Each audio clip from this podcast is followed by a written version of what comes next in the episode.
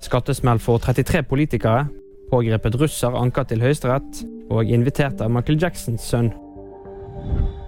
Politikerne skulle skattet 8,7 millioner mer enn oppgitt i pendlerboligsakene.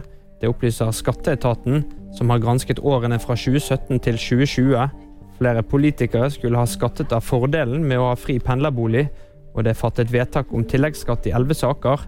Til sammen 290 politikere er blitt kontrollert. Dronesiktet russer anker fengsling. Russeren som forrige uke ble pågrepet i Ullensvang, anker kjennelsen til Høyesterett. Det opplyser mannens forsvarer. I Hordaland tingrett ble mannen løslatt, men politiet anket til lagmannsretten. Russeren er en mann i 30-årene som er siktet for droneflygning, som er ulovlig for russere i Norge. Han erkjenner å ha fløyet drone, men kun for å filme og ta bilder av natur og opplevelser, og til privat bruk. Alex Alexander skal opptre på Michael Jackson-feiring. Kommende helg står illusjonisten på scenen på Michael Jacksons eiendom. Anledningen for det celebre oppdraget er prins Jacksons årlige halloweenfeiring i forbindelse med hans veldedige organisasjon Heal LA. Og VG-nyhetene fikk du av meg, Kristoffer Gåsvær Torgersen.